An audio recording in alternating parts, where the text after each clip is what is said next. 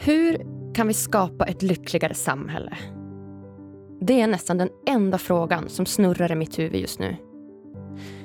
Krig, våld, maktmissbruk, skjutningar, hat, hot och orättvisor. Hur kan vi hjälpas åt för att bekämpa det här egentligen? Jag bjöd in dagens gäst för att prata om hans perspektiv på lycka och välmående och om hans kunskap om vipassana meditation. Men vi hamnade någon helt annanstans i vårt samtal. Och vet ni vad? Vi hamnade precis där vi skulle. Vi båda drogs till att prata mer om situationen i Iran ur ett eh, både historiskt och maktrelaterat perspektiv. Så det var precis det vi pratade om. Och det känns helt rätt och som ett fantastiskt komplement till eh, mitt och Senat Pirzades underbara avsnitt som släpptes förra veckan. Agnes Sjöström heter jag som vanligt och jag är här för att förhoppningsvis sprida lite mer lycka och välmående till dig och våra medmänniskor. Lyckopodden det är podcasten för dig som generellt sett mår ganska bra men som med hjälp av små enkla medel vill må ännu bättre och bli lite lyckligare. Tack för att du lyssnar och för att du vill hjälpa till att göra världen till en lite lyckligare plats. Veckans gäst är alltså gymnasieläraren och vipassana-meditatören Babak Jampour. Babak har sitt ursprung från just Iran men bor idag i Sverige och har sedan hösten 2007 arbetat som matematik och filosofilärare i Stockholms förort. Och utöver det så undervisar Babak även i vipassana meditation på Vipassana-centret i Ödeshög i Sverige. Med en bred och gedigen kunskap om Irans historia pratar jag och Babak idag om vad som ligger till grund för Irans diktatoriska styre. Varför Sverige inte vågar ta ställning mot Iran. Vad makt faktiskt betyder. Och vad maktmissbruk grundas i. Vi provpratar och diskuterar hej vilt om hur eh, vi tror att vi kan skapa ett lyckligare samhälle. Och om att läka sig själv inifrån och varför det är så otroligt viktigt. Tack för att du riktat just dina örons uppmärksamhet till just den här podden idag. För det här, det är helt klart ett av poddens absolut viktigaste avsnitt. Varsågoda.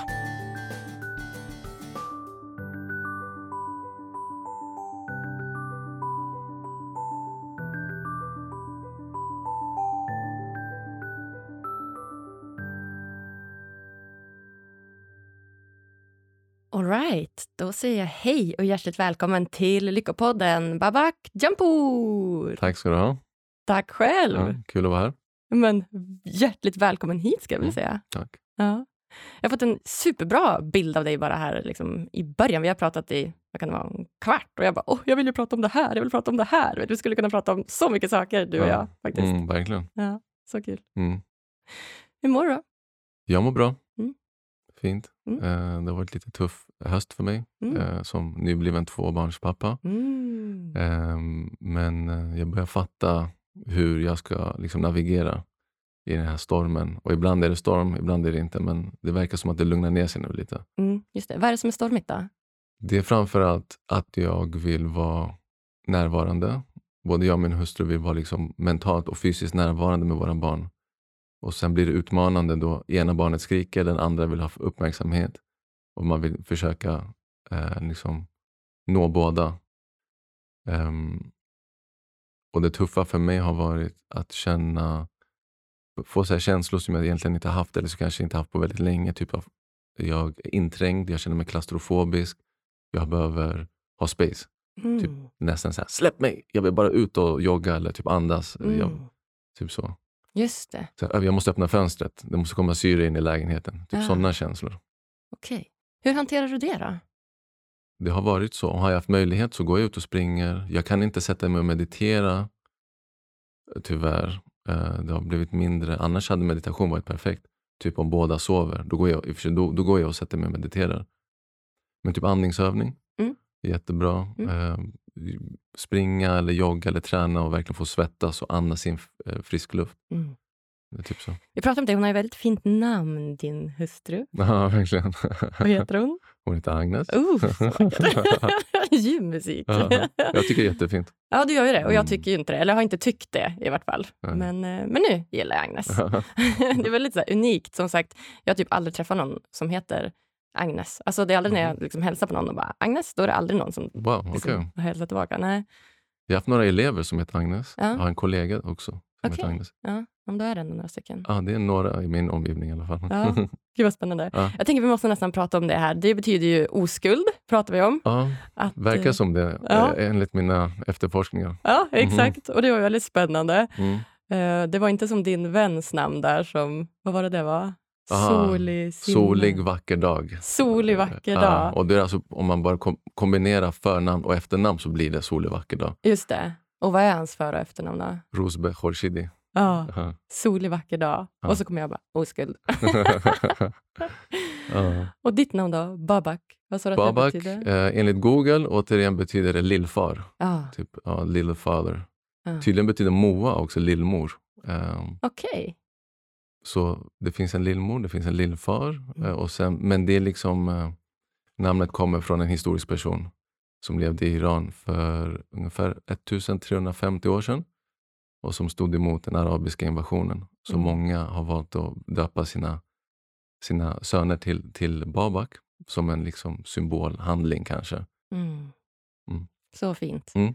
Ja, jag sa ju det också, för att vi, jag spelade in ett avsnitt tillsammans med Sinat Pirzadeh som Mm, släpptes idag, faktiskt, som vart ett väldigt så här, känsloladdat och åsiktsbaserat avsnitt eh, med också ett försök att göra det rätt så här, faktabaserat. Då. Och vi pratar just om situationen i Iran Mm. och vi båda är väldigt, väldigt påverkade av det. Och ehm, ja, det är ju helt fruktansvärt det som, det som händer just nu. Mm. Och du berättade där lite historiska kopplingar till, Mm. Till varför det har blivit som det har blivit. Vill Mm. du förklara lite? Ja, så det, det är en väldigt stor fråga. Men ehm, Iran är ju, ett väldigt rikt land på naturtillgångar. Så det är där egentligen problemet, om man säger, ligger. Eh, ett annat problem är kolonialism och den imperialistiska hur ska man säga, historien som vi har på den här planeten. Där eh, Storbritannien då, i det här fallet och USA har eh, har bestämt sig i historien och fortfarande att de har rätt till eh, andra länders och andra kontinenters liksom rikedomar. Så i kombination med att Iran är väldigt rik på naturgas, eh, olja bland annat och sen mycket annat, liksom guld, uran etc. gör att det är väldigt lukrativt att eh, ha kontroll där, eh, liksom politisk kontroll. Så under väldigt lång tid så var det en eh, monark som som var i samarbete med England och Storbritannien, eller Storbritannien och eh, USA. Och som egentligen gjorde mer eller mindre det de ville att han skulle göra och sålde oljan till det pris de ville att han skulle sälja den. Och så eh, på 70-talet, så eh, väldigt kortfattat, så eh, mognar han kan man säga och fattar, shit, det här är vi, varför säljer vi oss själva billigt? Liksom? Det här är vår, våra naturtillgångar och med den insikten så hade också såklart den iranska befolkningen nått massa insikter om att eh, man vill ha demokrati och frihet. Så det blir en revolution, det blir en, verkligen en, en äkta folklig revolution för frihet och demokrati och, och liksom mänskliga rättigheter. Och den kidnappas, den revolutionen. Och det här är liksom fakta just nu som har, som har kommit ut. Som många har trott, som många har ansett ha fakta för. Men nu är det liksom verkligen bevisat att CIA var involverat även i den revolutionen och mer eller mindre installerade en, eh, de här ayatollorna, eller den här ayatollah Khomeini. Då då. För, eh, Vad är det?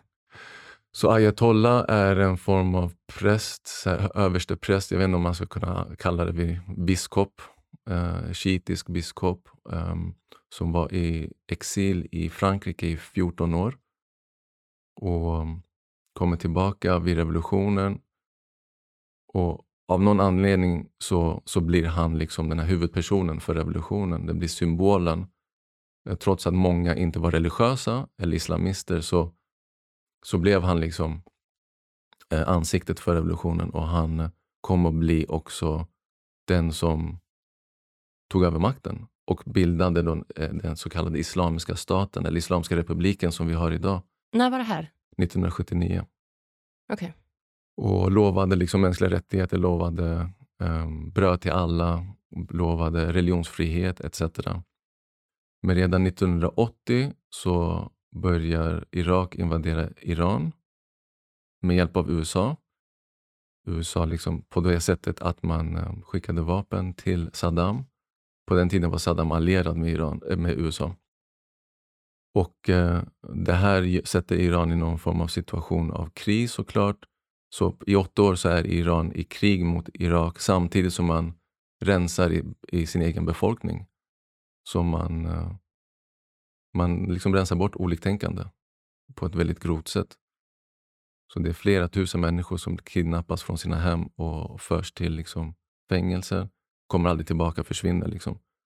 Och det är fortfarande den liksom, republik och den politik som, som råder idag. Det är fortfarande massa människor som bara försvinner mm. när de egentligen bara vill ha liksom, mänskliga rättigheter och det, det basala. Mm.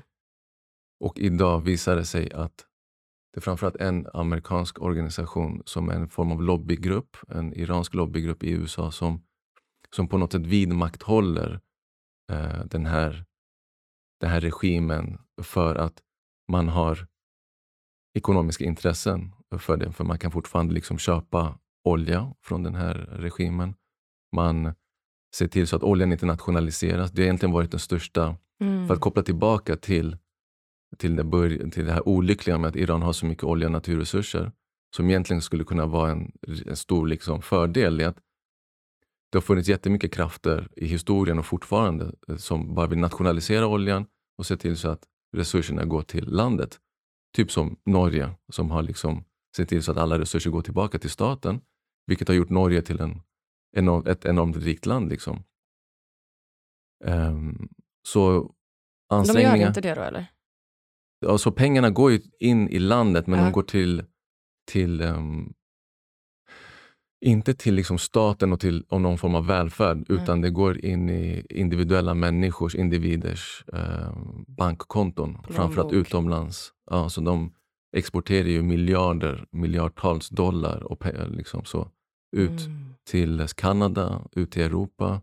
Och Det har varit en av krav, ett av kraven från liksom hela den här motståndsrörelsen nu, att konfiskera pengarna som egentligen inte är deras och sanktionera de här människorna som, som stjäl egentligen det mm. Irans, eller det iranska folkets pengar och, och, och för ut det ut ur landet. Mm.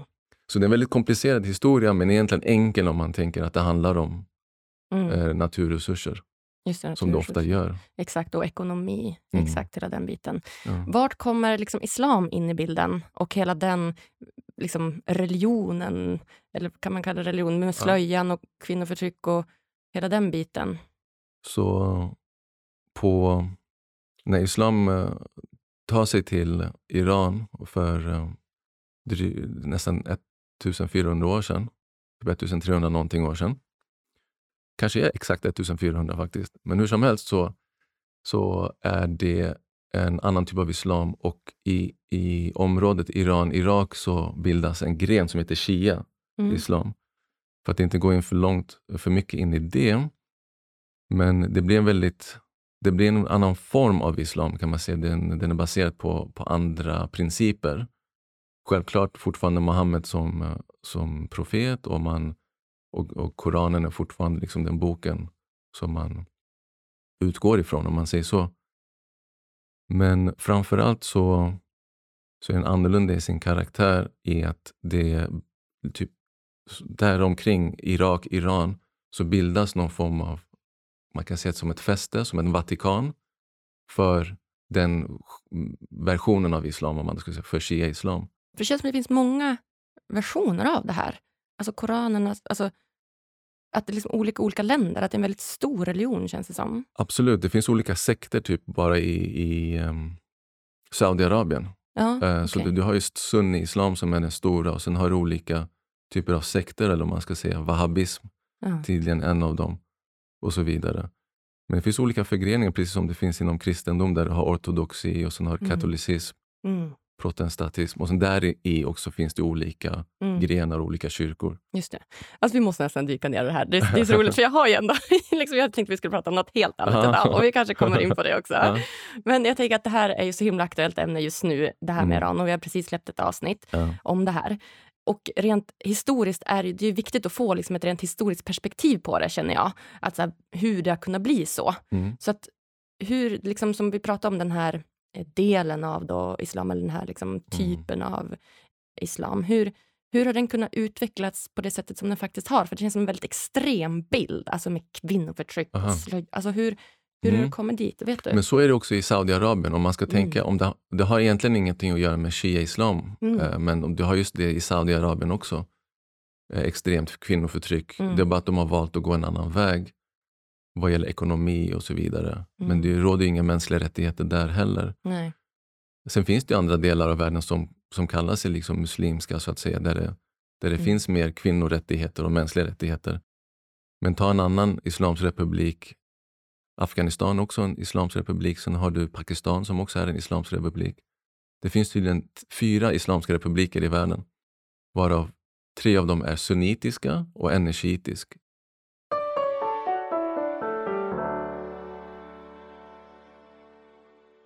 Veckans avsnitt är sponsrat av Aktira. Är det bara jag som känner att det har blivit så sjukt svårt att handla mat idag?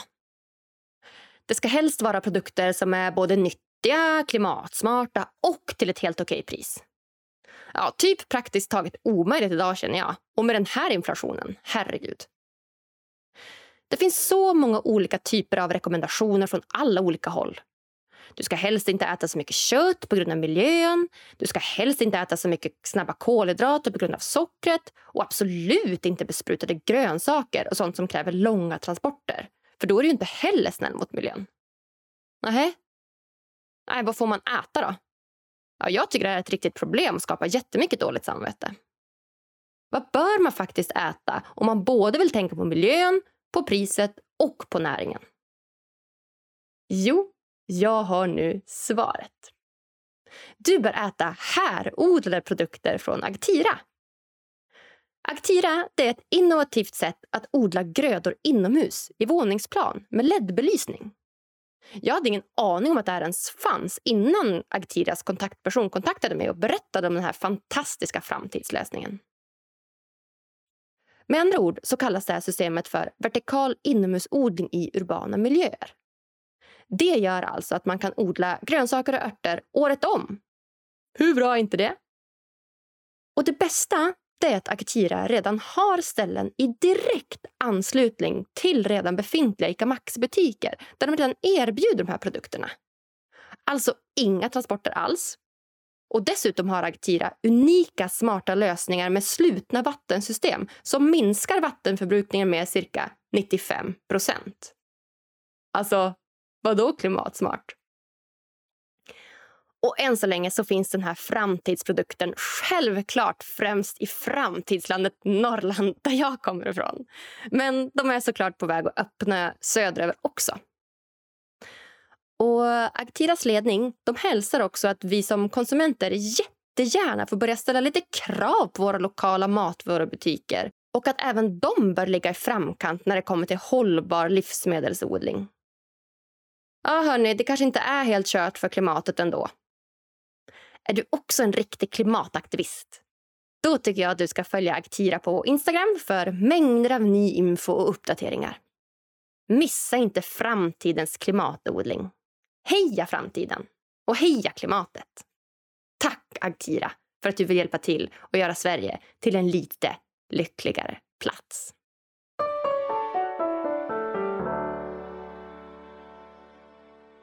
I alla fall i Pakistan så råder ju inte heller några former av liksom kvinnliga rättigheter på så sätt som vi känner till dem. Mm. Eller mänskliga rättigheter.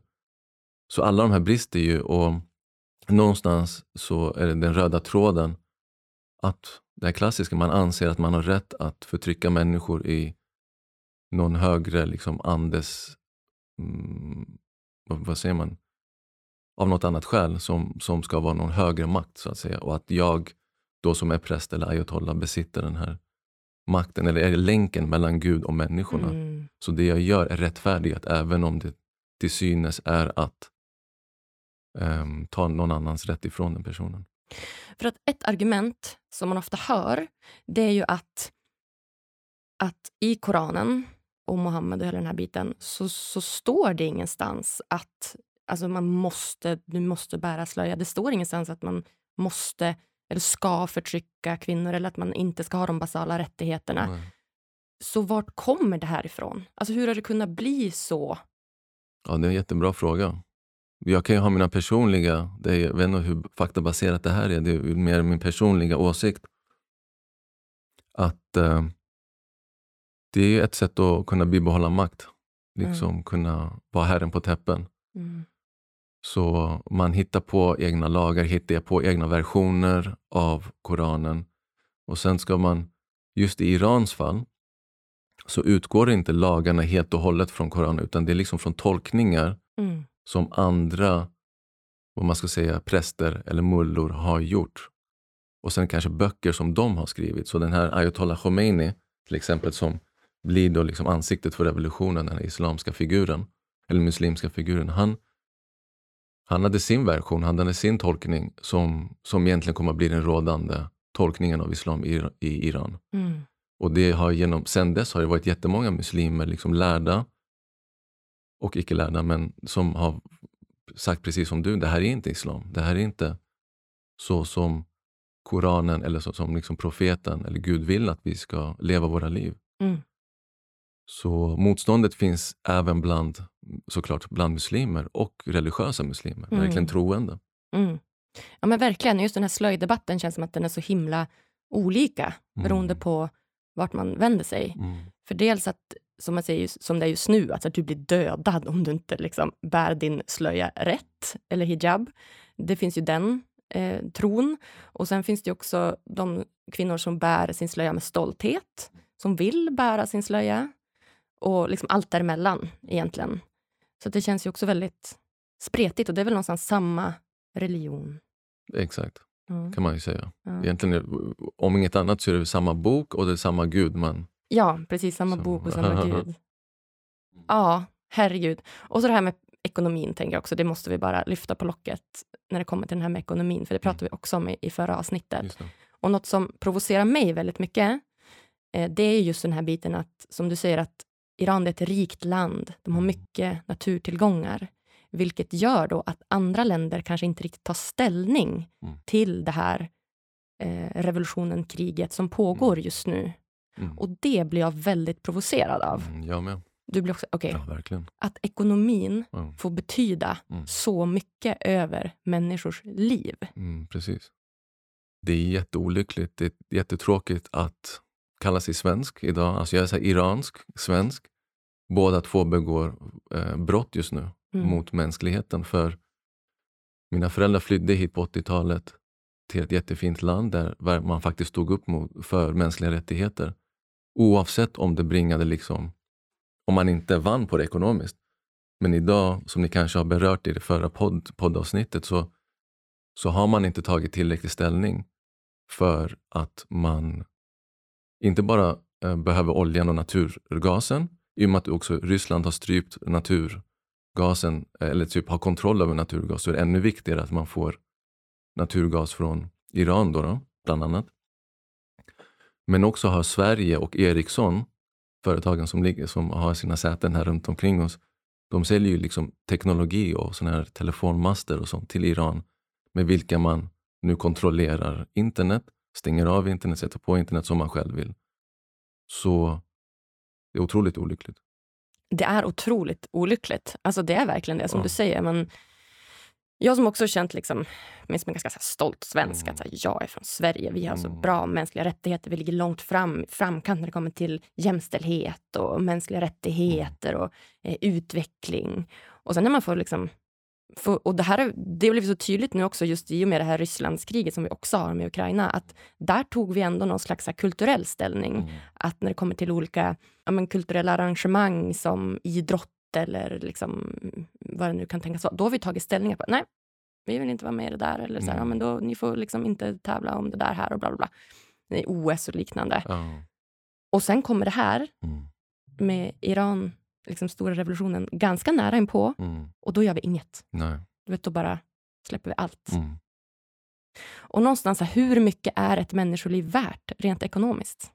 Ja, det är, det är absurt att det finns värde. Det, det gör det verkligen det. Och den som säger att det inte finns, alltså vad gäller makthavare och så vidare, de ljuger. Ja, För de anser ju att deras egna liv är väldigt mycket värdare till exakt. att börja med. I och med att de har så många eh, livvakter och, Ja, och sen får de så mycket i arvoden när de slutar vara typ premiärminister eller Ja. statsminister. Så de är mer värda än vad andra är helt enkelt. och det är så sjukt att det Mm. kan vara så. Att så här, vi kan vara, alltså vi alla är liksom någonstans födda till den här planeten, rent Mm. evolutionärt. Vi liksom kommer från apor och vi kommer från dinosaurier. Liksom. Mm. Vi alla är födda på den här planeten, jorden. Och evolutionär, alltså evolutionärt har vi liksom utvecklats genom, genom tiden till en människa. Och beroende, liksom, vi alla är människor, men beroende på vilka gränser du är född inom och vilken liksom, hierarkisk struktur som du tillhör så har liksom samhället och liksom, strukturerna bestämt att vi är värd olika mycket. Mm. Alltså för mig är det så absurt Verkligen. att, verkligen. du vet, att du och jag, att så här, hur kan... Det är ingen som är värd mer än av oss. Det är inte, du, ditt liv är inte värt en miljon, mitt liv är inte värt tre miljoner. Du, alltså det, det går inte att sätta någonstans någon, en siffra på det och att man då... Det någonstans går ut på någonstans att hela tiden mäts ekonomi mot Mm. människoliv eller status. Hur mycket status har du, hur mycket status har jag? Mm. Och det är så sjukt om man tänker liksom rent evolutionärt och vart, vart vi är idag. Alltså, en person från Sverige, Norge, Finland, Tunisien, Afghanistan, Australien. Alltså, vi är samma. Vi är, samma, vi är byggda av samma saker. Vi är Ja. samma person. Eller Mm. inte samma person, men vi är byggda av samma... Liksom, Roma, Struktur. struktur. struktur. Ja, exakt. Jag håller helt med. Du kunde inte sagt det bättre. Eller jag kunde inte sagt det bättre. Eh, det är en del av, um, av uh, ska man säga, den här tension, eller vad ska man säga, spänningarna som finns Mm. i var och en av oss. Liksom. Din, ditt sinne och mitt sinne att ständigt behöva se och, och, och uppleva en värld som är orättvis. För det är egentligen det vi pratar om, det orättvisa. Mm. Och sen vad gör man åt det? Vad kan vi göra? Och så känner man sig, jag gör ändå inte tillräckligt. Och sen går man runt och har det här otillräcklighetssyndromet, att man kan göra, men nu i och för sig så pratar vi om det. Och det talade och skrivna ordet är ju väldigt värdefullt. Så bara det är i och för sig väldigt mycket. Ja, men precis. Ja, men Det där har jag också brottats med jättemycket. Att, så här, Mm. vad är nog? Ja, Alltså, hur kan man göra nog? Vi som kommer från en väldigt privilegierad del av Sverige mm, och som nu känner väldigt starkt att jag vill göra något, jag vill hjälpa till. Varför är det så här? Man ifrågasätter så mycket. mm, Och då har jag väl också landat någonstans i att alltså jag kan göra det jag kan, mm, spela in poddavsnitt, Mm. dela saker på sociala medier, skänka pengar när det går till någon liksom trovärdig, tillitsfull organisation och göra de här grejerna. Men det hjälper ju inte situationen att jag börjar känna mig otillräcklig. exakt. Det hjälper ju inte situationen att jag sitter och gråter varje dag, att jag blir deprimerad eller liksom så. Mm. Så att någonstans har jag väl det som tröst, typ. Jag gör det jag Nej, kan. visst, jag håller med. Mm. Där återigen. Och för att ändå återkomma till, till det talade ordet och det skrivna. Både liksom sociala medier är ju vår, vårt ansikte ut och, och eh, vårt fönster ut. Så där kan man göra väldigt mycket, men framförallt genom podd, poddar och, och, och så. Mm. Exakt. Så bra jobbat. Tack. Ja, Och tack för att du kommer med den här kunskapen som Ja. du besitter. Det, det, det var lite kortfattat bara. Det var lite Mm. kortfattat, exakt. Men det var Ja. väldigt spännande och väldigt passande att, eh, att prata om det här just Mm. idag. Jag vill grotta in i en annan sak. Som, annat. som, ja, exakt. Ja. Eh, som, men faktiskt, som jag inte... jag har gjort en intervju med Al här och det står helt andra saker på den Ja. än vad vi pratar om idag. Jag vill grotta in i makt. Ja. Prata om makt. Mm. Vi pratade lite grann om det tidigare, att så här, varför är det så här? Mm. Och då pratade vi om att för att någonstans så känner då den här regimen att de har makt. Mm. Och det är viktigt att ha den här makten. Mm. Kan vi prata om makt? Vad, vad betyder makt för dig? Ja, det är en jätteintressant fråga. Det finns intern makt. Alltså jag tänker så här, makt över mig själv och sen makt över andra. Jag tror hela poängen nu är inte jag så här gudstroende på det sättet, men jag är så evolutionär och lite så mystiskt, mystiskt lagd. Jag tror att det finns en viss poäng med, med våra liv. En av meningarna, det finns inte en absolut mening, men en av meningarna är att vi faktiskt lär känna oss själva.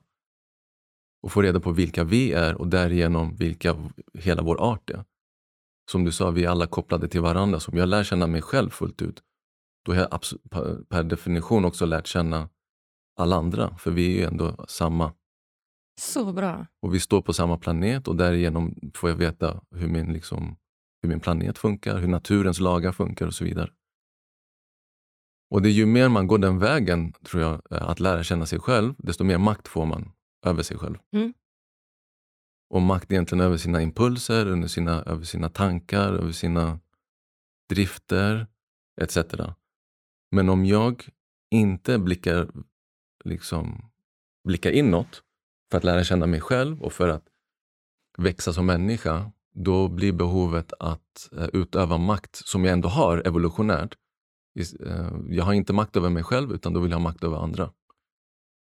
Så den här makten som vi ser makthavare vilja utöva är på grund av brist av självinsikt, ser jag det som. Och egentligen kärlek. Mm. Den medkännande kärleken kommer som följd av att inse sig själv. Som vi pratade om, bara för, som du sa, nu jag nämnde att när jag inser vem jag är så inser jag att du inte är någon, det är ingen skillnad mellan oss två. Men så länge jag inte inser mig själv så är det alltid en skillnad mellan mig och dig. För jag är Putin eller jag är vem den kan vara liksom. Som, som är mer värd än vad du är. Mm. Så ja, brist på självinsikt leder till makt, vilja ha makt över, över andra. Exakt. Mm. Exakt, jag håller helt med dig där. Och om man då liksom tar det här och kopplar det till krigen som, som pågår just nu. Varför är det då så viktigt för de här personerna att ha makt, tänker jag? Mm. Och det måste ju, det är någonstans ett sätt för dem att kontrollera det yttre då. Mm. Kanske för att de saknar någonstans någon makt över sig själva och känner, känna sig själv. Mm. Och där skulle jag vilja koppla till att när jag började driva Lyckopodden Mm. så var det ett sätt för mig, en nyfikenhet av att så här, ja, men jag mår ganska bra. Hur kan jag få må, må ännu bättre? Positiv psykologi. Ja, men du mår ganska bra. Hur kan du göra för att må ännu bättre? Ja, men meditera lite, skriva Mm. lite tacksamhetslistor. Alltså, det finns olika metoder. Så bara, men gud, det här provar jag. Liksom. Mm. En, en nyfikenhet. Mm.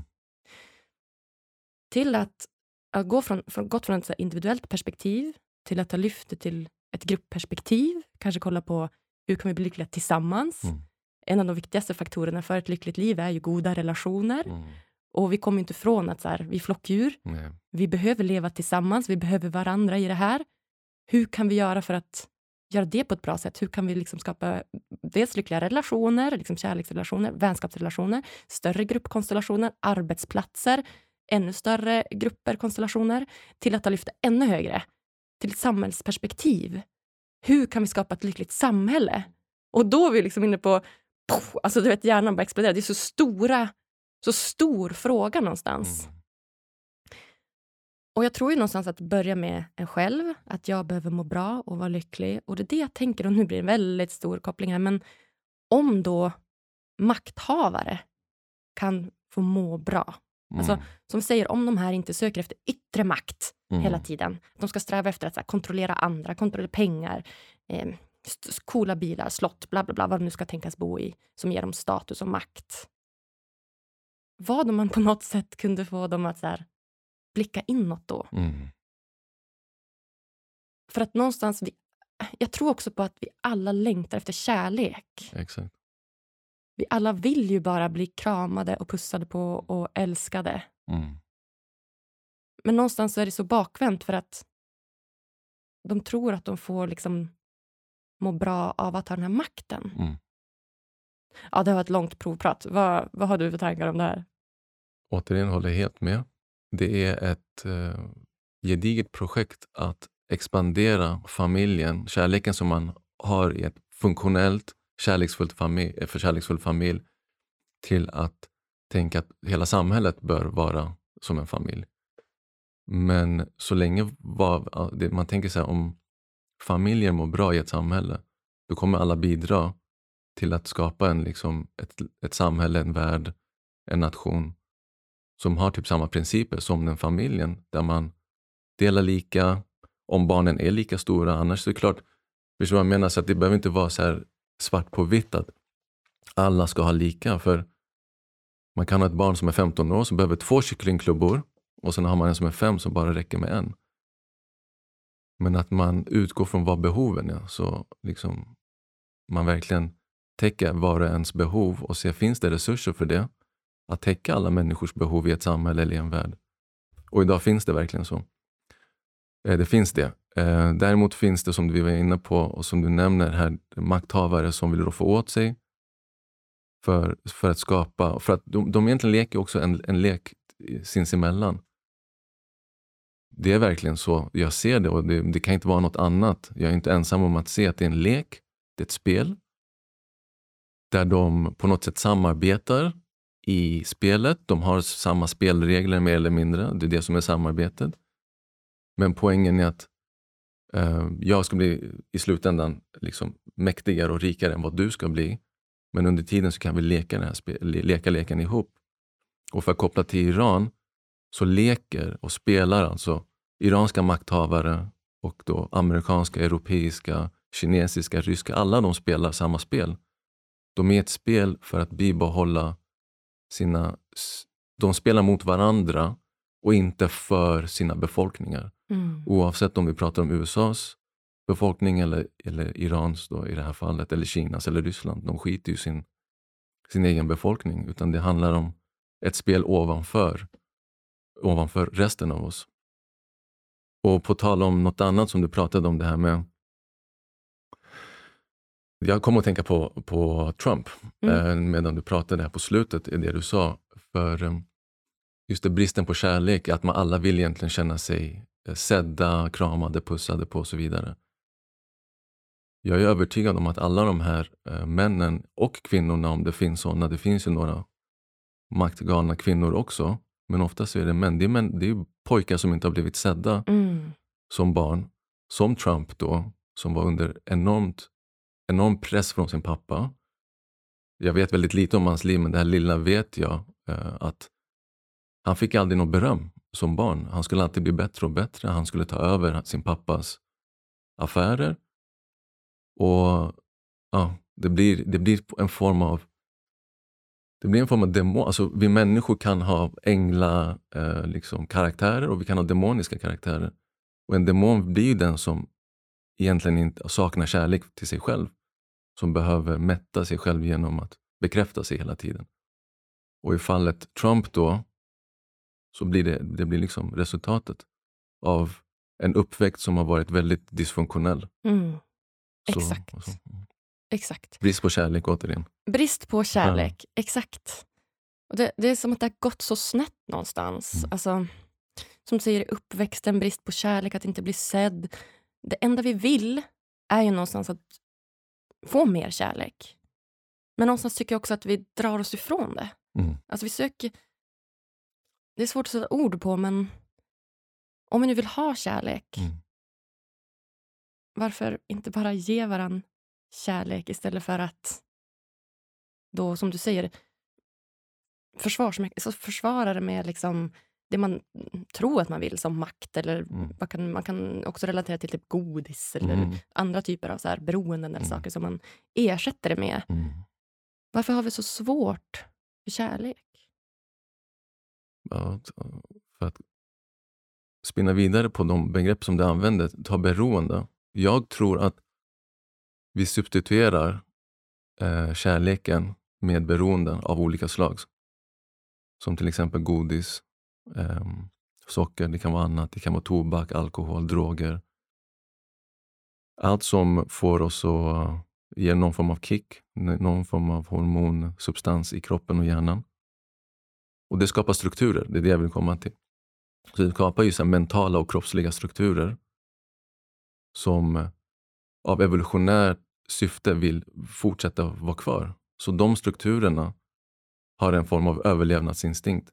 Som jag liksom i 40 års tid har skapat en struktur att jag har en sköld, jag bekräftar mig själv och jag söker bekräftelse genom att ha fina kläder, vilket är inget fel på i och för sig, men låt oss säga lyxiga bilar och Jag ska ha massa kvinnor på mina Instagram-konton som jag så flashar bredvid.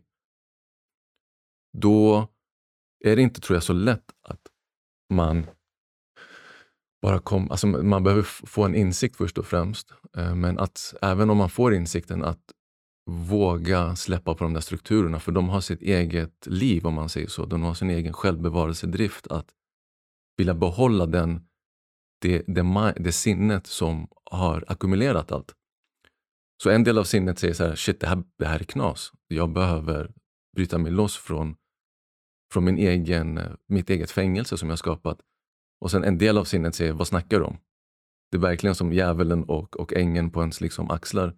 Jag tror det, även om man skulle nå in, någon form av insikt så, så, så brottas man mellan överlevnadsinstinkten, alltså för sinnet och strukturerna, kontra bryta loss och bli fri från allt.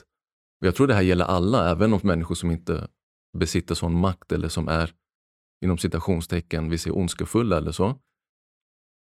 För vi kan alltid, eh, alltså jag inräknat såklart, om jag bara pratar om mig själv, jag kan ju fortsätta skala av massa strukturer, massa föreställningar som jag har byggt upp om vad, låt oss säga, vackert är eller vad kvinnligt är för mig eller vad manligt är etc. Men någonstans så tror jag att jag inte vågar just nu eller vill ta det steget. För vem är jag om jag inte har de strukturerna? Kommer jag fortfarande vilja gå till jobbet? Kommer jag fortfarande välja min hustru? Det, det gör man ju, men man, man, jag tror man är rädd för att gå den ultimata vägen som jag nu kopplar det här till vägen till upplysning där man liksom skalar av allt i, i så buddhistisk fashion eller anda, då, då har man verkligen skalat av allt. Vad, vad blir kvar av det som jag har byggt upp under 40 års tid, om du mm. förstår vad jag menar? Jag tror samma sak alltså gäller, varför jag tar den här parallellen, gäller vanliga människor som makthavare. Att man, man ofta bibehåller det som har funkat, även om det inte gynnar en i, fullt ut. Bra sagt. Mm. Och Det som dyker upp hos mig då, det är ju rädslan som du pratar mm. om. Mm. Rädslan får väldigt mycket plats. Det känns som att vi styrs väldigt mycket av rädsla. Mm. Är inte det liksom en, en, en faktor som kanske gör att de här makthavarna fortsätter styra som de gör? Är inte det rädsla liksom också för vad... 100 procent. De styr ju med rädsla. Exakt. Och det intressanta, eller så, sättet jag ser det är de styr med det de själva besitter. Mm. Så de vet vad rädsla är. Rädsla för att bli av med makt, tappa ansiktet. Ta typ Erdogan för någon vecka sedan eller två. Han var otroligt eh, besviken på Sverige för att man hade gjort någon satir av honom på Sveriges television. Och för honom så är det liksom egentligen en rädsla som jag ser för att man gör honom till åtlöje. Han som är den här liksom mannen, machomannen som ingen ska få snacka skit om. Men i Sverige så snackar man skit om honom på nationell tv. Och vad ska turkarna i Sverige tro om honom då? Mm. Han är inte längre den här den auktoriteten. Så, så den rädslan som makthavarna besitter, det är den eh, som de sen, liksom, vad ska man säga, det är som att de är en källa av rädsla och sen sipprar det ner in i samhället. Mm. Och den kan de använda sig av. För om de kände kärlek, då var, skulle det vara det som sipprade ner. Exakt. Exakt. Så någonstans komma ihåg att okej, okay, det är så här, låt oss säga, använda ordet fucked up i Iran just nu. Det måste ju vara för att de som sitter, besitter makt måste känna sig väldigt fucked up. Ja. Väldigt fucked up. och det är ju den här rädslan som sipprar ner till samhället. Mm. Hur ska vi få kärleken att sippra ner då? Jag tror inte att vi kan ha strukturer som är hierarkiska eh, när det gäller makt. Utan de behöver vara no på något sätt cirkulära, plana. Alla ska vara inkluderade, allas röst verkligen ska vara lika värd och allas... Det är först då det, det kan hända. Så i historien, om man tänker samhällen, har ju inte varit så. Eh, oavsett om de har kallat sig kommunistiska eller inte så har det alltid varit enormt hierarkiskt. Men jag tror enda platsen som man någorlunda kan hitta något, liknande är i, i mindre konstellationer, till byar och, och så vidare. Kanske små, små städer, men framförallt byar och eh, urbefolkningar, stammar. Mm. Så som antropolog, om man ställer den antropologiska frågan, hur kan man skapa ett fungerande samhälle? Studera urbefolkningar, Mm. så får vi svaret. Snyggt. Mm. För nu är du inne på något du säger, det här att gå från en hierarkisk struktur till en väldigt platt struktur. Mm. Det här finns ju mängder av forskning i organisationspsykologiska studier. Det är exakt det jag läst i liksom, Mm. två års tid på masternivå. Varenda studie Mm. visar liksom, hur skapar man hållbara organisationer, hur skapar man fungerande organisationer, hur skapar vi hållbara organisationer. Och anledningen till att man studerar det är ju egentligen pengar i slutändan. Alltså, du vet, Mm. man vill att en organisation ska bli så lönsam som Ja. möjligt. Du vet. Så det är ändå att det så här styrs av pengar. Men någonstans är det ju fint det forskningen visar. Mm. För att den visar ju faktiskt att så här, hierarkiska strukturer, nej, inte bra. Platta organisationer där alla får sin röst hörd. Mm. Det visas också så här, men, hur får vi då våra anställda att prestera så vi kan tjäna mycket pengar? Det är liksom Ja. det som är slutändan av frågan. Just det. Jo, det visar sig ju faktiskt att den bästa faktorn är att må bra. Mm. Att vara lycklig. Mhm. För om du är lycklig, då vill du också bidra, du vill prestera, du vill ge din gåva, din kompetens till... Du vill hitta mening i ditt liv, du vill ge det till den här organisationen. Ja. Så det är, det är bara det är ju en väldigt tydlig forskning och väldigt tydlig struktur som man någonstans skulle vilja så här, lyfta upp på typ en samhällsnivå. Verkligen. Eller hur? Mm. Ja men verkligen. Eh, det är jättespännande att, att, du, att du tar upp det. För som du säger, det är mer lönsamt för företag och samhällen. Vi, alltså samhället och företagen blir mer rika om alla känner sig behövda, om alla känner sig sedda och får vara med och bidra med hjärta. Med hjärta och själ. Det finns en jättefin dokumentär, jag har glömt, jag minns att jag visade den för mina elever. Det är en brasiliansk industrijätte eller industriman som bestämmer sig för att inkludera sina arbetare i arbetet så att de egentligen får, de får styra över arbetsplatsen. Så de, han backar lite om man säger så. Mm. Och de får mer makt på arbetet. Mm. De får högre lön. Mm. Och vad som händer är att lönsamheten bara, så det bara går upp i taket. Mm. Så han tjänar på det och de tjänar på det. Ja. Det finns ett exempel som inte finns någon dokumentär på. Men det var någon amerikansk restaurang, typ så snabbmatsrestaurang. Inte någon av de kända, utan en mindre franchise. Som bestämmer sig för att höja lönen. Eh, egentligen ta all vinst, om jag inte minns fel. Ta all vinst och dela upp det på, på de som jobbar. Och det, alltså, gick otroligt bra för, den, för, för, det, eh, för det företaget. Så vet jag inte hur han gjorde sen, eller hen gjorde. Om den personen sen steppade in och bara, okay, nu ska jag ta del av vinsten. Men det visar i alla fall, som du säger, på att när vi känner att, vi, att det ger någonting tillbaka till mig själv, så ger man verkligen man ger själ och, och hjärta till arbetet och då blir det egentligen sant arbete. Mm. Då blir det det arbetet som arbetet ska vara, som det är en, och som det har varit genom tiderna när man jo- jobbat liksom i sitt jordbrukssamhälle på sin mark. Då har man sått sina frön, skördat frukterna och sen delat det inom familjen eller inom sitt liksom, lilla samhälle. Mm. Problemet är nu att vi sår frön åt någon annan, någon annan skördar det och så får vi några vetekorn som tack Mm. för, för jobbet. Liksom. Mm. Eh, så det är väl den balansen som, som behöver återställas. Verkligen. Och då, då är vi långt på väg till ett bättre samhälle och Mm. bättre mänsklighet tror jag. Exakt. Mm.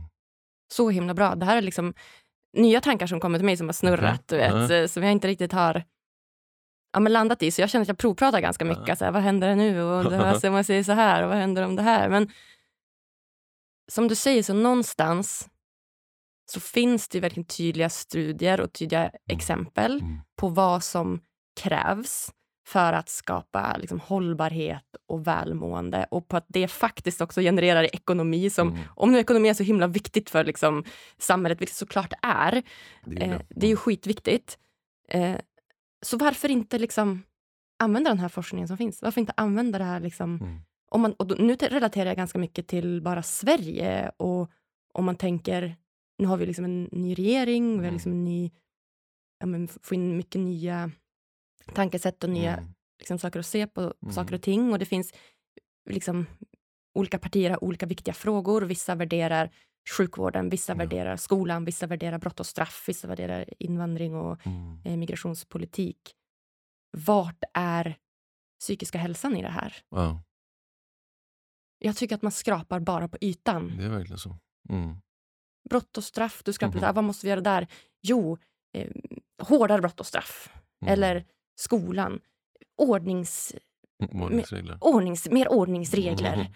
Mm. Och sjukvården, då får man också liksom titta uppifrån. Alltså, det, det, man bara skrapar på ytan. Det, vart är liksom varför-frågorna? Varför Mm. ser det ut som det gör i, med invandringspolitiken? Varför har det inte fungerat? Mm. Varför fungerar inte sjukvården? Mhm.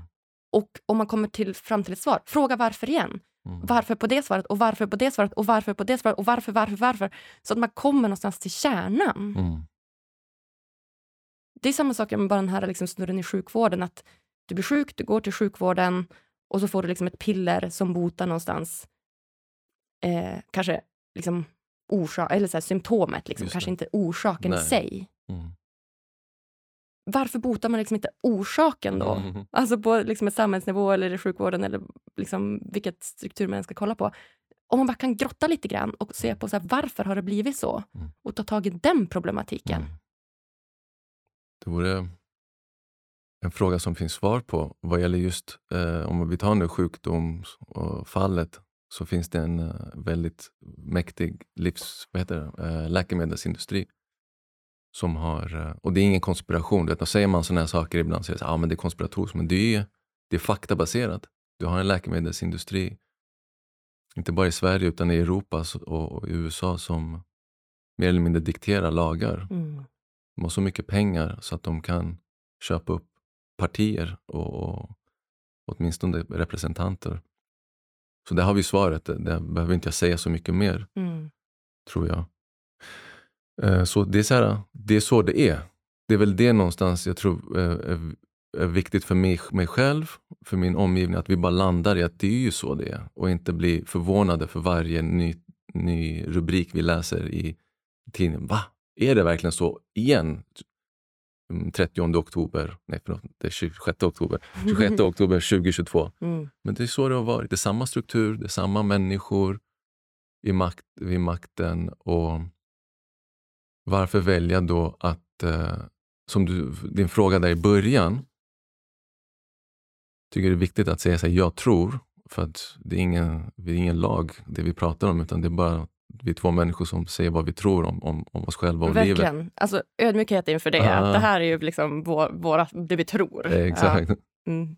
Så jag tror ju att, um, anta att man är väldigt eh, mäktig eh, industriperson och har väldigt mycket makt över ett företag eller flera. Och så tar man del av de här studierna som vi pratade om, att oh, eh, om jag delar på resurserna så, kan, så blir det bättre för mig vad gäller intäkter och så vidare.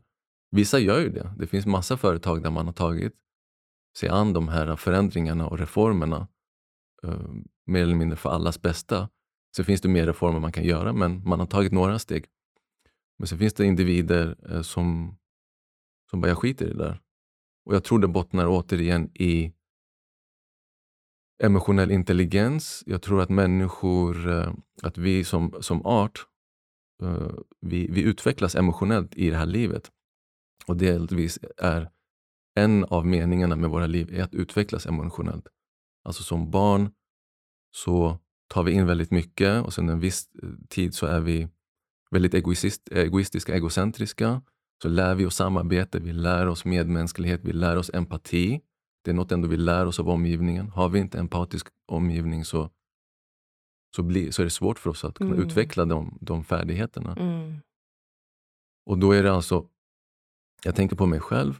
När kände jag typ så att, har jag någonsin själv varit i en sån situation där jag haft, vi ser en, eh, en godispåse och sen har kanske de äldre sagt så här, men dela med dig, för det kommer. Och sen har jag tänkt så här, va, om jag delar med mig av mina tio godis, då har jag färre. Jag vill ha alla tio för mig själv. Så har någon äldre vis person sagt, Men om du delar med dig så kommer ju den personen nästa gång dela med sig till dig, så du kommer vinna på det. Om du ändå tänker på att vinna, så vinner du på att dela med dig. Men den kortsiktiga mentaliteten eller sinnet, det är verkligen oempatiska. För jag tror det är någon form av utvecklingsnivå faktiskt, att det, blir, det är nästan som trappsteg. Om man är lägre ner på den, då kan man inte se bortom det som är här och nu. Mm. Så jag har mina miljarder, jag kan dela med mig lite grann, för jag kommer få mycket mer tillbaka Mm. vad gäller kärlek, tacksamhet etc. Men det är inte det som värderas, precis som det där barnet som inte kan se bortom godispåsen. Mm. Medan det finns andra barn som bara, aha, det börjar klicka. Så här, det är sant, det är klart. Här får du hälften och sen kanske man förväntar sig att man får tillbaka det, eller så kommer det av sig själv. Liksom. Mm.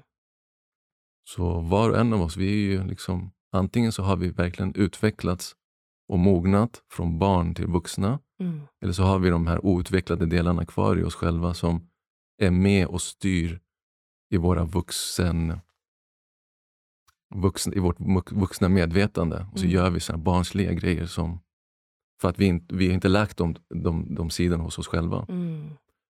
Och kopplat till makthavare så tror jag att om alla faktiskt, man kan inte vara makthavare om man inte är egentligen en sån här, ett barn inombords. Stora svarta emotionella hål. Så stora svarta oläkta platser inom en själv. Oläkta platser inom dig. Ja. Mm. Exakt. Och då är vi också inne på psykologi, emotionell intelligens och kompetens. Vilket vi inte får lära oss idag. Nej. Kanske i vissa sammanhang Exakt. på dagis, och för, men sen inte längre in i, i skolan eller i, på gymnasiet eller så. Exakt. Mm. Så därför är det ju superviktigt. In med psykologi, emotionell Mm. kompetens. In med det i skolan, prioritera det i skolan så att vi inte får de här makthavarna med svarta hål inombords. Verkligen. Jätteviktigt. Ja. Och det är lite dystert att, att, att faktiskt jobba i skolan ibland och se att det inte prioriteras än idag. Mm. Skolan ser ut som den gjorde på 70-talet, mer Mm. eller mindre på 80-talet. Mm. Alltså, och det är egentligen inget fel med att saker och ting ser ut som de gör, men om man tänker ett samhälle som förändras så snabbt och barn som har andra behov än vad skolan kan tillgodose, så blir det en, eh, det blir en klyfta mellan barnen, ungdomarna och skolan och samhället då, Mm. där de känner att de inte blir sedda. Exakt. Innan valet Mm. så försökte jag bjuda in politikerna hit. Mhm, Jag ville prata med allihopa. okej. Eh, dels för att ja, men jag tycker det är viktigt att lyfta på locket när det kommer till liksom, psykisk ohälsa och lycka Mm. och välmående. Just för att jag har verkligen förstått nu efter alla de här åren när jag Mm. intervjuat, tre år intervju, ja, men i intervjustudion och pratat med så mycket kompetenta, smarta, coola, duktiga människor med så mycket olika perspektiv. Mm. Jag har ju ändå läst mina utbildningar, liksom fem år av psykologistudier Mm. och tycker att så här, det har varit spännande. Det var mer bara en så kul grej. Alltså, ah, men gud vad kul om jag hade kunnat bjuda in politikerna. Mm. Men tänkte liksom inte så mycket mer på det och det var Lyckopodden var inte prioriterad så, utan då var det mycket att ja, men någon, jag vill ju ha med liksom de stora hönsen, alltså Ja. jag vill ju ha med liksom de högst, vad säger man, partiledarna ja. ja, för varje parti och prata med dem. Mm. Eh, Men då hade de då erbjöd de liksom någon under eller sådär som inte var så stort namn. Och då var jag så här, ah, men ja, då väntar jag lite grann. Mm. Men nu efter det här valet, då känner jag bara att det här är ju skitviktigt. Alltså jag måste ju, alltså ni måste ju komma hit partiledarna. Vi måste ju prata om psykisk ohälsa, psykisk hälsa. Det här, är, det här är ju anledningen till att det är krig i världen. Det är ju anledningen till att samhället inte funkar. Mm. Det är för att du styrs av rädslor, bristande emotionell kompetens. Kan inte folk se att det här är det, viktigaste som finns? Och så statistik, alltså depression. En miljon av svenskar går på antidepressiva. Ensamhet är liksom den största folksjukdomen. Utbrändhet kostar företag miljarders miljarder Mm. varje liksom, månad. Mm. Och det här, det är liksom... Då går man till sjukvården och får man ett piller. Och det kan hjälpa, absolut. Men det jag menar då är så här, den här kortsiktiga lösningen igen. Att så här, varför är det ingen som ser på så här, men varför Ja. är alla utbrända? Varför går så många på antidepressiva? Varför är ensamheten så, så utbredd? Att istället kolla på de faktorerna. Jag känner att jag går igång lite grann på det här. Att så här, jag känner verkligen hur viktigt det blir för mig nu att så här, till vart fall nästa val, att så här, men då ska ni banne mig komma hit alla politiker. Jag hoppas de kommer. Jag hoppas också att de det. prioriterar Jag hoppas jag med. att, att, att komma och, och verkligen svara på de här essentiella och viktigaste frågorna. Exakt. Istället för att prata om, som du säger, de här när man skrapar på ytan. Alltså man kollar på symptomen, Exakt. som du säger. Och det är det som är problemet idag i den hela politiska debatten, att man är eh, sällan, det finns väl ors, ibland att tar, man tar upp liksom rotproblemen. Mm. Men så går diskussionen ändå, debatterna till symptomen av de problemen.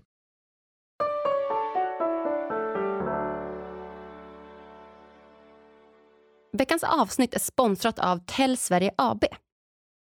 Hörni, ni som känner mig, ni vet att jag har haft svårt att trivas som anställd på olika arbetsplatser. Det har egentligen inte spelat någon roll vilken anställning det är. Utan mer att jag inte har uppskattat den uråldriga företagskulturen som oftast råder med gamla hierarkiska strukturer som ofta lever sig kvar på arbetsplatsen. Jag har så svårt för företag som inte förstår att faktiskt individen är den absolut viktigaste resursen på en arbetsplats. Och de ska tas om hand och prioriteras. Men vet ni vad? Nu är det löst.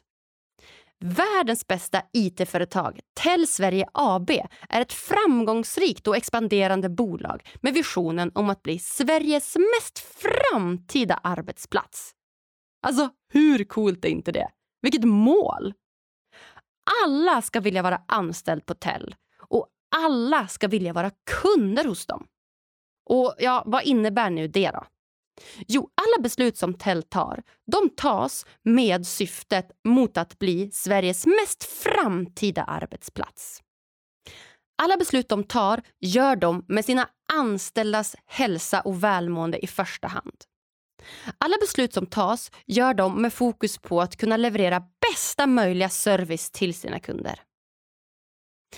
Visste ni till exempel att eh, Tells ledning nu till och med har investerat i fastigheter utomlands bara för att kunna erbjuda personalen möjlighet att åka dit, antingen i jobbsyfte eller till och med privat?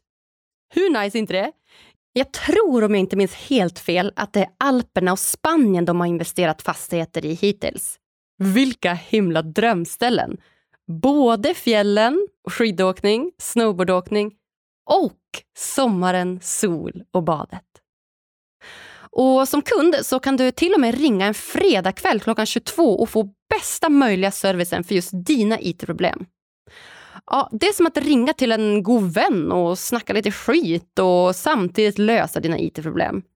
Så himla bra. Ja, om jag någon gång vill bli anställd igen, då kommer jag vända mig raka vägen till Till Sverige AB.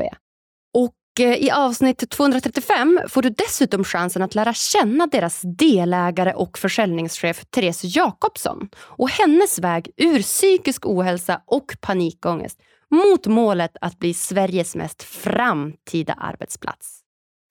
Och i höst så kommer du dessutom få chansen att lära känna deras jordnära VD Per Gabrielsson och varför just han valde att förändra hela Tells företagskultur för x antal år sedan.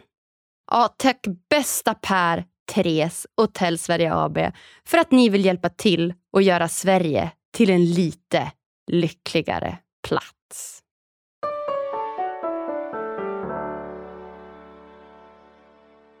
Så lycka till. Jag hoppas verkligen att man kan börja prata om, om de här liksom ruttna rötterna Mm. Som vi behöver dra ur för att få ett mer välmående samhälle Mm. och sen plantera nya frön. Exakt. Eller åtminstone, om man ska vara kvar i metaforen, göra något åt det där möglet som angriper liksom rötterna och så vidare. Något Exakt. måste göras i alla fall på rotnivå helt enkelt. Exakt, något måste göras på rotnivå. Så bra. Mm.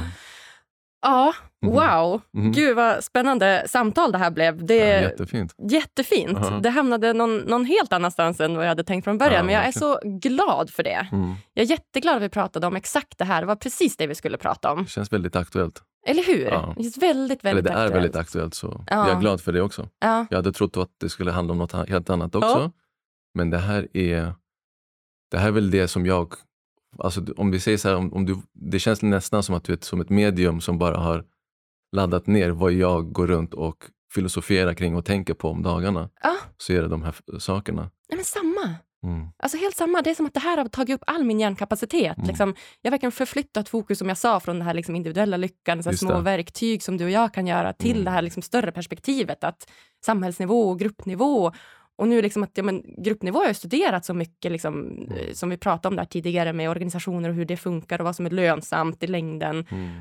Ja, det är skitspännande alla de här eh, ja, men, olika typerna av strukturerna och lycka och välmående. Så att det här, vi får skicka det här avsnittet till alla politiker. Och så Ja, de det vore jättefint. lyssna. Ja, absolut. Känns fint. bra för mig också, för jag har varit på några poddar nu Mm, och, eh, och pratat om just vipassana meditation. Sen kände jag så här på vägen hit, jag kan jättegärna fortsätta prata om det, för det finns fortfarande jättemånga aspekter som jag inte har berört. Men på vägen hit så kände jag någonstans att jag skulle jättegärna vilja prata, alltså koppla det till just det här som du tar upp, mental ohälsa, så kallad psykisk ohälsa och alla symptom som det medför i Mm. våra individuella liv och på, på liksom samhällsnivå. mm. Så tar du upp det och det blir liksom fokus på det. Det är helt, det är helt fantastiskt. Jag är jätteglad. Ja, vad fint! Gud, jag blir också jätteglad av att höra det. Ja. Ja, men någonstans var det bara, det var bara meningen att det skulle bli så här. Ibland kommer universum och bara så här, det här ska ni prata om nu, varsågoda. Ja. Det här är meningen idag. Ja. Så det var så fint. Ja. Mm. Jag tänker att vi ska börja eh, avrunda Mm. lite här du och jag. Mm. Och eh, då brukar jag göra så att jag har egentligen några slutgiltiga frågor som jag Okej. brukar ställa till mina, mina lyssnare. Mm. Och ehm, ja, men anledningen till att du är här egentligen är ju för att eh, vi har ju en gemensam vän nu skulle jag vilja säga, Mm. som har varit i podden två gånger som heter Dr. Diamantis. Just det. Så först så vill jag också bara ge en liten shout-out till honom, för jag tycker att han är magisk. Ja. Stor shoutout till eh, Dr. Diamantis. Ja. Otroligt kärleksfull Ja. vän. Eh, och vi är väldigt glada, alltså både min familj och, och vänner är väldigt glada för, för han och hans familjs närvaro i våra liv. Men också det fantastiska han gör för andra. Det känns Mm. så tryggt att, att ha veta att en sån människa finns i Stockholm, i världen, som egentligen servar andra och, och bara vill andra väl och Mm. gör det bästa. Och nu har de ju till exempel en... De insåg att eh, det är sånt tryck på deras klinik, eller på hans klinik, att eh, man hinner inte med vissa av de här liksom, örtkurerna och så vidare. Man behöver komma på en konsultation och så får man en örtkur. Så vad han har gjort, det kanske han har berättat för dig, men det är så här effektivitetsgrejer, skapa ört eh, som man bara kan beställa från hans hemsida. Så göra det bara enklare för folket att Mm. läka, att expandera. Ehm, på tal om det, men också hans egna podd är ju helt fantastisk. Mm. Eh, så props till dig, props till honom som gör det här jobbet. Ja, men alltså props. Och till dig som Mm. är här och Mm. pratar med oss. Det är fantastiskt. Mm. Ja, och hans avsnitt, jag spelat in två avsnitt med honom på väldigt, väldigt kort tid. Mm. Och de har ju båda bara så här, stigit i liksom, lyssnarantal. Alltså, Mm. Folk ja, men, suktar efter den här eh, kunskapen, tror jag.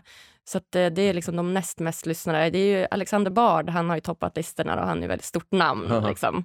Men sen, så, sen är det Diamantis som Mm. är på stadig, stadig andra plats. Det, det känns så fint i hjärtat att han får vara med där. Och lyssnarna, vad fina ni är som vill ta till er den liksom, eh, kunskapen och det han besitter. För det är otroligt viktigt. Verkligen. Ja.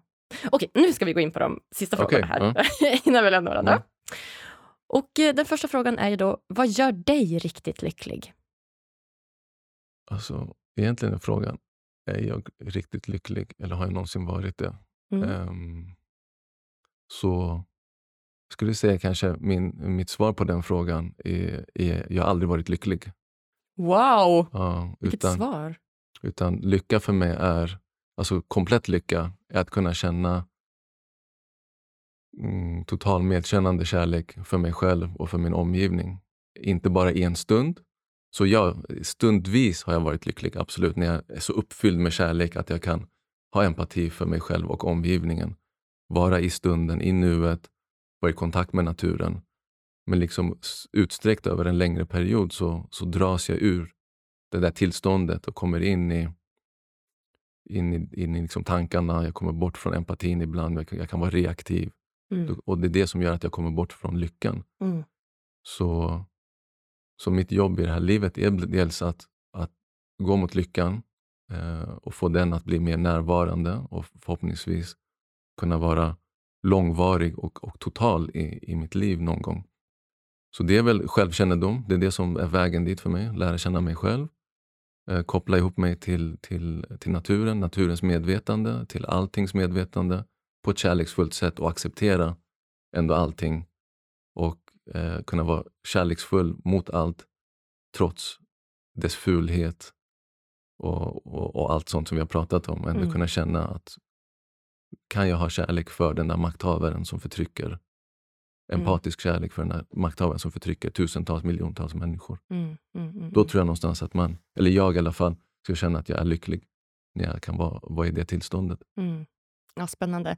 Ja, jag tänker att det här är ett poddavsnitt i sig. Liksom. Det var det här jag hade tänkt att vi skulle prata om, lite mer vad lycka är för dig, bla bla bla. Men det var ett, ett jättebra kortfattat svar. Vi får, vi får spela in ett nytt poddavsnitt. Någorlunda kortfattat. Ja, men exakt, någorlunda. ja. Vi får spela in ett nytt eh, samtal, du och jag. tänker att vi får prata om ja, men mer liksom, jag vill ju höra mer om vipassana och meditation, hela den biten mm. också. Så mm. det får vi ta. Ja, gärna. Mm. Vilket är ditt bästa lyckotips? Wow. Det är nog vipassana mm. meditation. Alltså att eh, gå in och lära sig vipassana meditation eh, och gå fullhjärtat dedikera sitt, sina åtminstone tio dagar åt att lära sig filosofin och tekniken. Och sen verkligen vara så här, reflekterande och typ kritisk om man säger. Och bara så här, hur kan jag använda det här? Hur kan jag as, äh, integrera det här i mitt liv? Mm. För mig var det så att när jag väl gjorde det första gången, då insåg jag att det här är min väg. Och egentligen, jag kan inte se hur det här inte kan vara någon annans väg. Det är typ mänsklighetens och naturens väg. Och därför så kan jag vara generaliserande och säga jag tror att det, det funkar för alla. Mm. Det är inte så här, vissa funkar för, vissa funkar inte för. Utan det gör mig lycklig. Det, jag är otroligt tacksam eh, för att jag har fått den möjligheten. Och att möjligheten fortfarande finns, att jag kan sitta kurser och, och kan sitta hemma och använda mig av den meditationstekniken som är helt mm. fantastisk. Mm. Wow. Ja. Okej, en parentesfråga här då. Hur känner du och eh, Diamantis varandra? Vi känner varandra eh, från eh, när vi var barn. Vi spelade i samma basketlag och eh, vi gick samma högstadieskola. Mm. Så, och han, var, han är fortfarande två år yngre. Ja, han var två år yngre. Han var två år yngre, nu är han två år äldre. exakt. så det var lite speciellt, för han var den enda som var yngre i vårt basketlag. Men han var så duktig att han, han liksom platsade i laget, inte bara det, utan han kunde vara med i startfemman och så vidare. Som gjorde också att han utsattes för en del avundsjuka från andra lag, lagkamrater. Och det här minns inte jag, eh, nu, nu går jag vidare, men jag minns inte det här. Jag ska faktiskt fråga honom om fler minnen i vilken han upplevde typ så orättvisa och kanske mobbing och så vidare. Mm. Och i vilken jag tydligen inte har delakt, varit delaktig okay. eh, och satt stopp. Det kan jag minnas från något tillfälle. Men eh, det vara intressant att veta lite mer om vad han utsattes för som två år yngre liksom, och, och duktig basketspelare. Men det är från de tiderna och de platserna som vi kände varandra. Ja. Ett ja. till poddavsnitt som är så mycket att prata om. Ja, ah, vad fint, okej. Okay. Ja. Um, och ni är uppväxta här, eller hur? Nu sitter vi på Comfort Kista hotell ja. här i närheten, eller hur? Ja, han är uppväxt i Tensta, som inte är långt härifrån. Ja. På de tiderna bodde jag i Skälby, i Järfälla. Ja. Um, som inte är alls så långt ifrån vår gemensamma uh, högstadieskola. Just det, okej. Okay. Vart gick ni högstadieskola vill du säga? Björkebyskolan heter den. Okay. Mm. Så ni kompisar därifrån. Mm. Har ni många andra vänner? Alltså jag tänker, är ni liksom ett stort crew? För det jag vill komma till det är att jag tycker att ni, har, ni utstrålar samma värme. Det känns som att ni har ganska liknande filosofi, mm. eh, båda två. Och ni kommer liksom härifrån. Och därför undrar jag, så här, finns det fler som er? Har ni, har ni många vänner? Liksom? Vi har en, många gemensamma vänner, absolut. Mm. Eh, och inte så gamla vänner. Det är inte så att vi har oh, han från högstadiet som vi fortfarande är kompisar med. Utan jag och Diamantis har egentligen hittat varandra på senare dagar. Um, och, och klickade på en gång. Mm. Och fattade alltså väldigt tidigt att vi, vi har mycket gemensamt som du säger. Mm. Och Det finns vänner som, som ägnar sig åt eh, olika saker som, är, som har liknande strävan, dels för oss själva och för samhället och för, liksom, för natur och mänskligheten mm. som vi har. Så jag känner mig verkligen omringad av väldigt kärleksfulla, medvetna mm. eh, människor. Jag är jätteglad för det. Och det i sig är lycka för mig såklart. Mm. Men det är inte den absoluta lyckan. Det det är glädje om man säger så. Det är glädje att kunna ha eh, så fan, fina människor som påminner mig, som lär mig, som jag kan utvecklas med Mm. och som håller min rygg. Och som jag också ibland kan hålla deras rygg, Mm. så, så de kan liksom slappna av. Mm. Så fint. Ja. Ja, jättefint. För Mhm. det vill komma till någonstans att det här, nu jag är ju inte från Stockholm så jag vet inte riktigt liksom hur de olika strukturerna ser ut på olika ställen. Mhm. Typ så här, Bromma ska ju vara något så här rikt ställe och Ja. Lidingö är väl också lite mer så här rik, rikare ställe. Typ. Och det här har jag fattat så här, Kista, Hallonbergen, att det ska vara ett mer utsatt Mhm. område. Ja, Eh, kanske, sätt och vis. På sätt och vis, Ja. ja. Att kanske ja, men att det är många, liksom, väldigt mång- mångkulturellt och Mm. kanske folk som inte har lika liksom, god ekonomi och inte som vi pratar om liksom, har liksom, fötts in i, i rikedom på något Just sätt. Mhm. Och för mig, så, om jag kopplar min hjärna, så för mig betyder det då att de här ställena kanske, att det liksom utvecklas mer liksom, ja, men, brott och liksom andra typer av, kanske jag vet inte, droger eller någonting som ofta finns kanske i områden som är lite mer utsatta. Ja, Är det här ett sånt område? Har jag förstått det typ rätt? Ja. då? absolut. Ja, Det är mer eh, om man ser skjutningar och, och droghandel och sånt i de här områdena än vad det är i Mm. Bromma Ja, och etc. just det. Ja, just precis. Mm. Och då tänker jag, liksom, det jag ville koppla det till då är att det känns fint någonstans att Mm. ni då har vuxit upp här, men som ändå har enligt vad jag tycker väldigt värm, alltså goda värderingar, mycket Mm. värme i er och mycket Mm. liksom, tänker liksom på er själva men också på andra och samhället och sådana samhällsfrågor. Mm. Det var det jag ville liksom... Ja, men då props till. till våra föräldrar. Props till Ja. dem! Props också till Sverige på 80-90-talet, som, som, i vilket vi växte upp. Så vill man veta, så här, om det är så, vilket jag också känner att det är, för det handlar inte bara om mig och Diamantis, utan- det är en hel generation Ja, som, som är uppväxta här, som, eh, som, som är, bryter den liksom, normen, den bilden man har av förortsbarn, om man säger så. mm.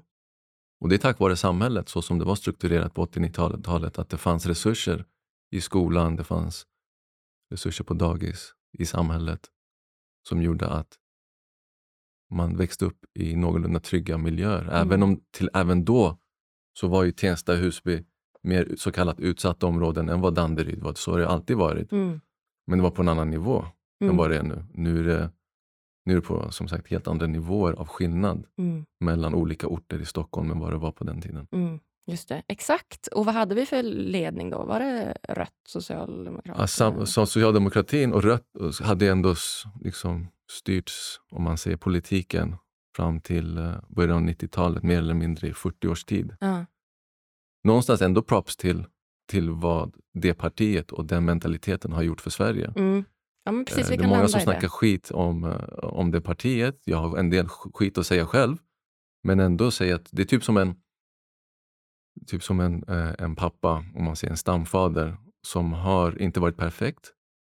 Men som ändå lyckades bra med sin stam eller med sin familj. Och sen Mm. är man så här, tack för vad du har lärt oss. Mm. Vi kan göra det här bättre. Tack Ja. pappa. Eller mamma, om man Exakt. säger så.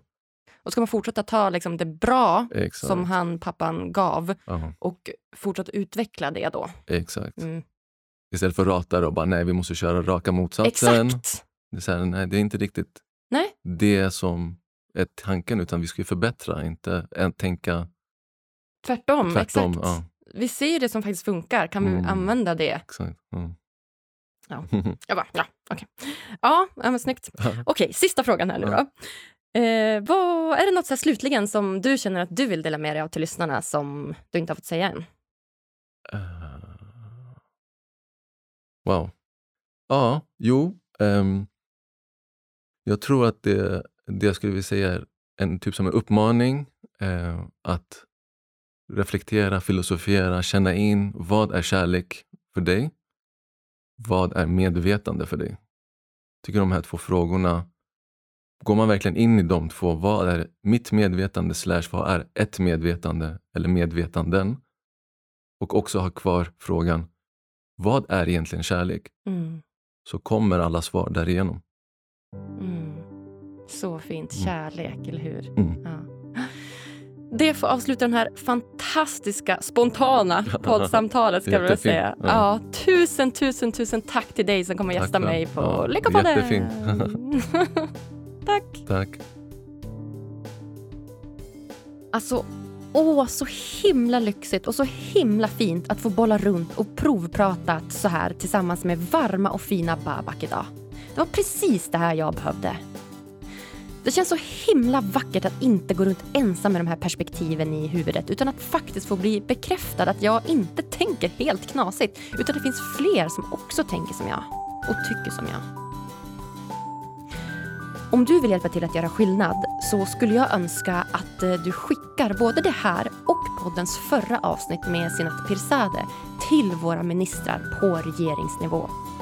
Jag tror det bara ska vara att googla fram deras mejladress. Det ska i alla fall jag göra. Jag tycker att alla borde lyssna på det här avsnittet. Och eh, om du också uppskattar det här avsnittet så hade jag blivit jätteglad om du ville gå in på podcasterappen i din iPhone eller Android-telefon och ge oss så många stjärnor som du tycker det här avsnittet förtjänar. Och lämna jättegärna en liten kommentar också om du vill det.